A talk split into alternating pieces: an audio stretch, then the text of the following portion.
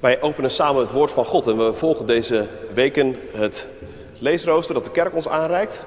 En dat brengt ons vanmorgen bij Matthäus 4. Matthäus 4, vers 12 tot en met 25. En ik lees vanmorgen uit de herziende statenvertaling. Toen Jezus gehoord had dat Johannes overgeleverd was, keerde hij terug naar Galilea. Hij verliet Nazareth en ging wonen in Capernaum, dat aan de zee lag, in het gebied van Zebulon en Naphtali. Opdat vervuld zou worden wat door de profeet Jezaja gesproken werd toen hij zei... Land van Zebulon en land van Naphtali, gebied aan de weg naar de zee en over de Jordaan, Galilea van de volken. Het volk dat in duisternis zat, heeft een groot licht gezien. En voor hen die zaten in het land en de schaduw van de dood, is een licht opgegaan. Van toen af aan begon Jezus te prediken en te zeggen, bekeer u, want het koninkrijk der hemelen is nabijgekomen. En Jezus liep langs de zee van Galilea en zag twee broers, namelijk Simon, die Petrus genoemd wordt, en zijn broer Andreas, het net in de zee werpen, want ze waren vissers. En hij zei tegen hen, kom achter mij en ik zal u vissers van mensen maken. Ze lieten meteen de netten achter en volgden hem. Hij ging vandaar verder en zag twee andere broers, namelijk Jacobus, de zoon van Zebedeus, en Johannes, zijn broer, in het schip met hun vader Zebedeus, terwijl ze hun netten aan het herstellen waren. En hij riep hen. Zij lieten meteen het schip en hun vader achter en volgden hem. En Jezus trok rond in heel Galilea, gaf onderwijs in hun synagogen en predikte het evangelie van het koninkrijk. En hij genas elke ziekte en elke kwaal onder het volk. En het gerucht over hem verspreidde zich over heel Syrië. En ze brachten bij hem allen die er slecht aan toe waren en door allerlei ziekten en pijnen bevangen waren. En die door demonen bezeten waren en maanzieken en verlamden en hij genas hen.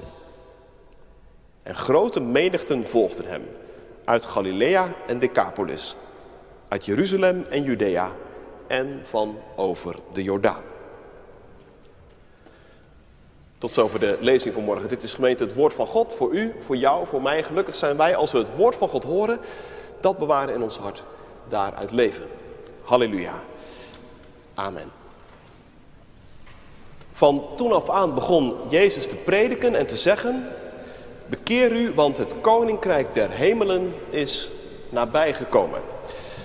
Dat is het kernvers voor vanmorgen en het thema van de verkondiging is Jezus, het koninkrijk en de navolging.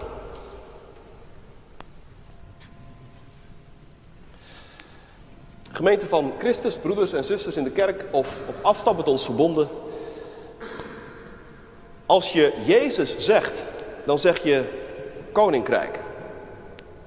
En als je koninkrijk zegt, dan zeg je navolging.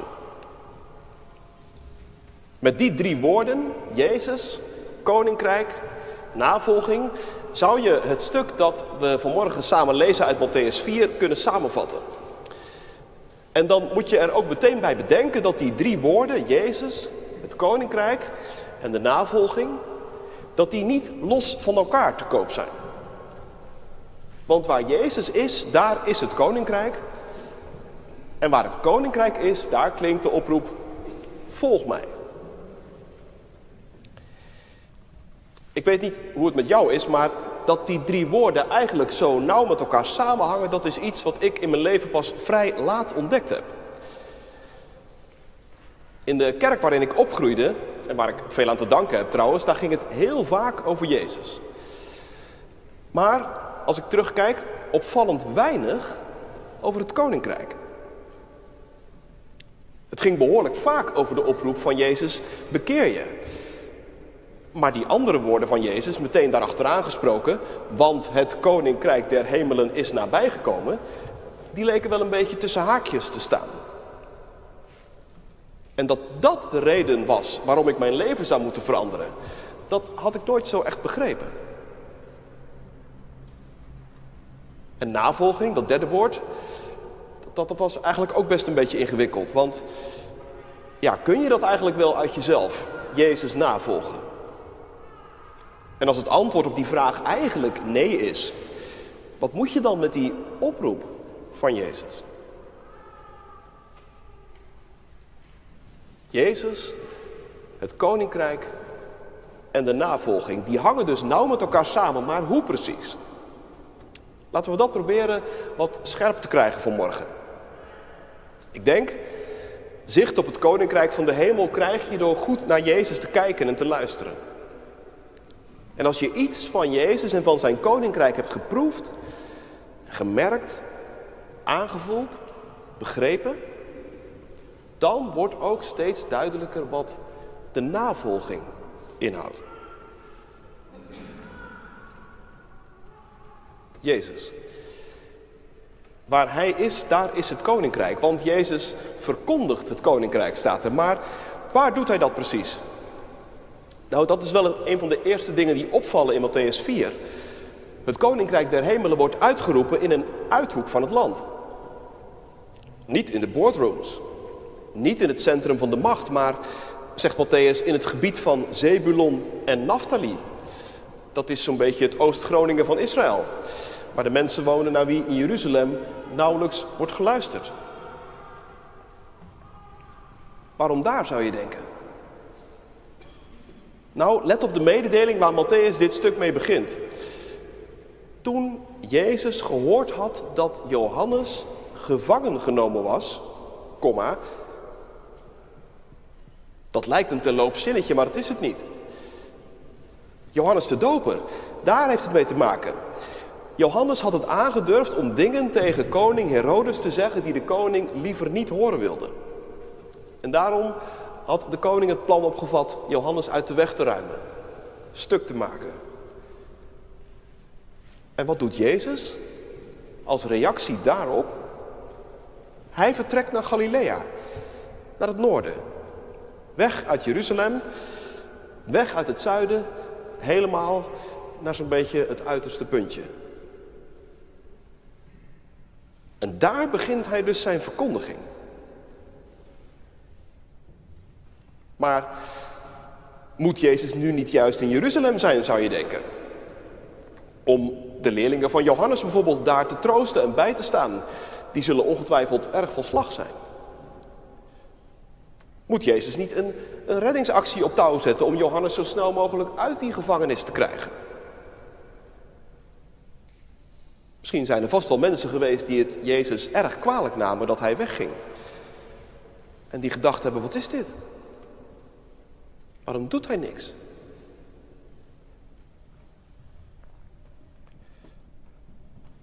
Nou ja, dat is dus de vraag of Jezus niks doet. Was het inderdaad niks wat Jezus deed? Was het misschien wel een vlucht? Weg van de plek waar het gevaar dreigt en waar de erge dingen gebeuren. En dan een veilig heenkomen zoeken. Of was het misschien juist heel erg wijs wat Jezus deed? En is spreken, desnoods in een uithoek van het land, misschien wel het beste wat je doen kunt. Juist als er rondom je heen allerlei schokkende dingen gebeuren.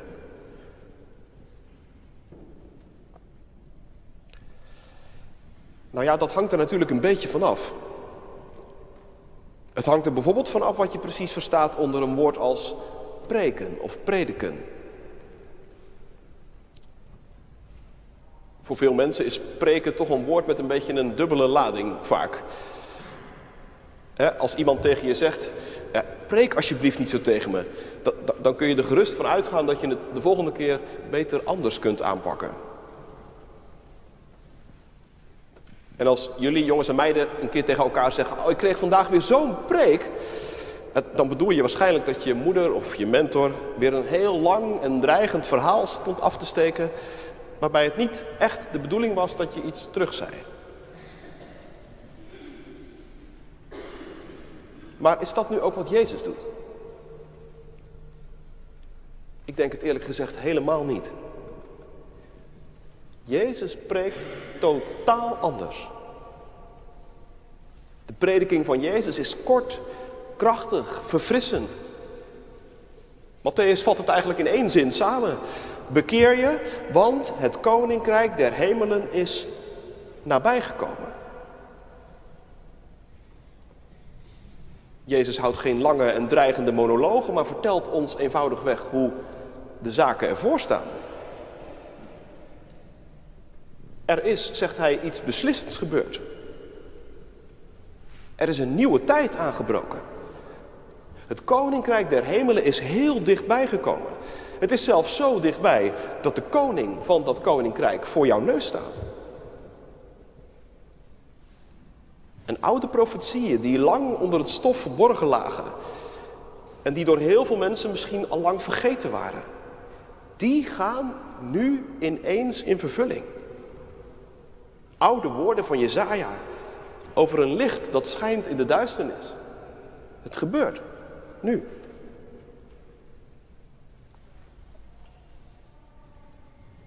Als je het zo bekijkt, dan is het natuurlijk helemaal niet niks wat Jezus doet, maar dan doet hij juist iets enorms. Jezus weet nog veel beter dan wie anders dat zijn komst in de wereld niet door iedereen met gejuich wordt begroet. Hij weet, er zijn ook tegenkrachten. En die worden nu juist wakker omdat ze merken dat ze hun langste tijd gehad hebben. Het koninkrijk der hemelen, dat botst met andere koninkrijken.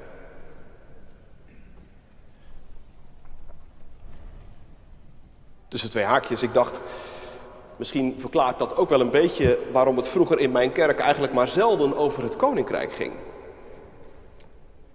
Misschien dat we toch wel een beetje waren gaan denken dat het koninkrijk der Nederlanden en het koninkrijk der hemelen zo'n beetje als vanzelf samenvielen. Maar als je het evangelie goed leest, dan merk je hele andere dingen op. Hoe helderder het licht van het koninkrijk der hemelen schijnt, hoe meer je doorkrijgt dat het koninkrijk der Nederlanden en het koninkrijk der hemelen en welk ander koninkrijk dan ook maar echt niet vanzelf één op één samenvallen. Als het koninkrijk der hemelen wordt uitgeroepen, dan worden de tegenkrachten juist wakker. En die kunnen fel zijn. Die kunnen als een razende tekeer gaan. Johannes zal echt niet het laatste slachtoffer zijn. Maar Jezus, hij raakt er niet van onder de indruk. Hij gaat rustig door met te zeggen hoe de zaken ervoor staan als je rekent met God. Want het koninkrijk der hemelen is nabijgekomen. En wat je ook probeert, de koning en zijn koninkrijk, ze laten zich echt niet meer van het toneel schuiven. Er komt een moment, dan hebben alle vijanden het nakijken.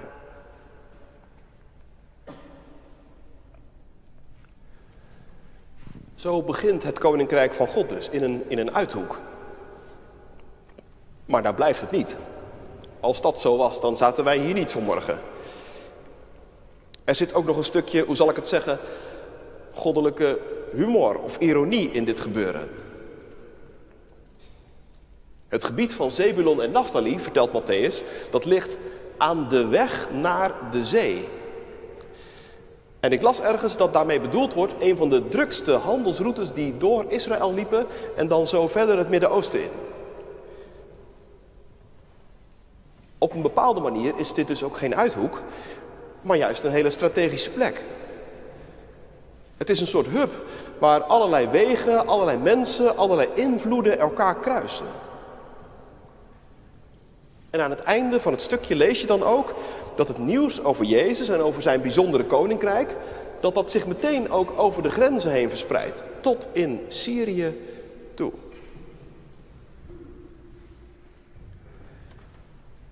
En dat deed me eigenlijk op een bepaalde manier denken aan, aan deze kerk. De Jacobikerk heeft ook iets van een, van een hub. De meeste van jullie die hier vandaag zijn, die groeiden niet op in Utrecht, maar zijn hier om de een of andere reden neergestreken. En we zijn het gewend dat het in de Jacobikerk eigenlijk ook voortdurend een komen en gaan van mensen is.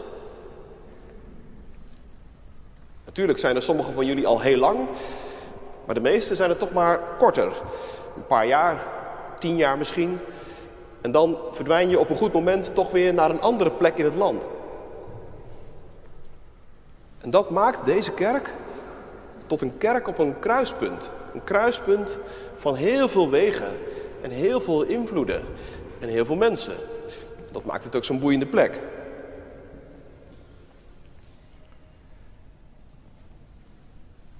Maar het koninkrijk der hemelen dan? Is dat daarmee ook hier? Op dit kruispunt van wegen? In de lage landen bij de zee? Dat is een goede vraag.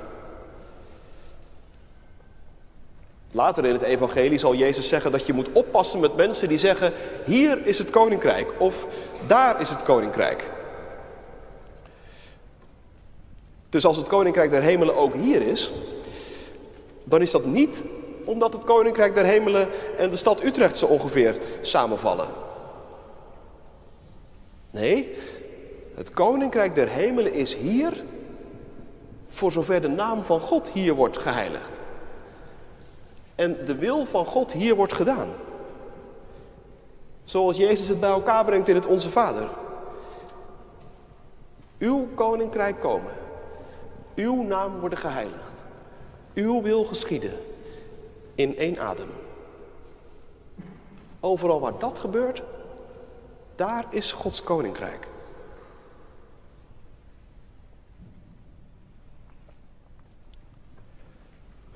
En dat brengt ons dus als vanzelf bij het laatste woord. Navolging. Wie Jezus zegt, zegt koninkrijk. En wie koninkrijk zegt, zegt navolging. En ook dat zie je in Matthäus 4 voor je ogen gebeuren. Want Jezus, hij begint zijn verkondiging van het koninkrijk en meteen daarna komen de eerste leerlingen die hij roept. Geen hele bijzondere mensen. Nee, gewoon mensen zoals jij en ik. En ook die beweging, die gaat door tot op de dag van vandaag. Talloze mensen worden door Jezus ingeschakeld om in zijn naam het goede nieuws te verspreiden. En heel vaak gebeurt dat, denk ik, onopgemerkt. Het haalt vaak het nieuws niet. Maar soms Soms zijn er kleinere en grotere momenten waarop het toch even heel zichtbaar wordt dat Jezus mensen roept die hun leven in ieder geval voor een deel veranderen en achter Hem aangaan. En wordt het zichtbaar dat Jezus het werk in zijn koninkrijk niet alleen wil doen, maar dat Hij daar heel concreet mensen voor in dienst neemt.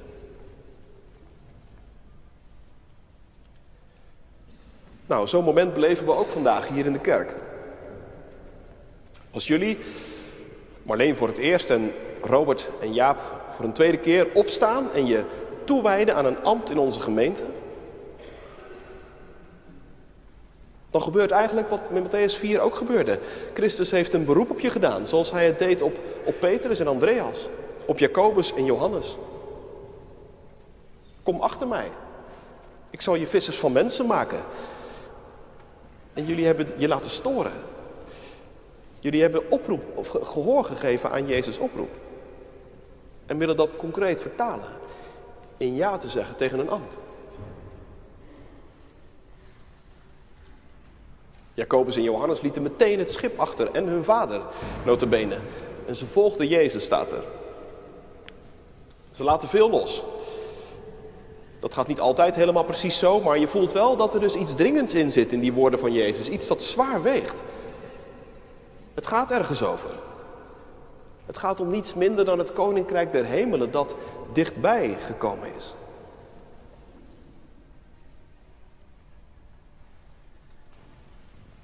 Kom achter mij, zegt Jezus. Op andere plekken staat volg mij, maar kom achter mij, dat heeft ook wel iets iets troostvols, want dat betekent dus dat je zelf nooit voorop hoeft te gaan. Jezus roept geen managers, maar leerlingen. En de belangrijkste vraag is dan ook niet, kan ik dit wel?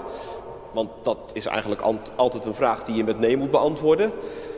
De belangrijkste vraag is veel meer, wil ik mij door Hem laten meenemen en leiden? En wil ik me laten storen in de dingen die ik het allerbelangrijkst vind? Omdat er misschien wel dingen zijn die Hij belangrijk vindt. En waar Hij mij tot mijn eigen verbazing bij kan gebruiken.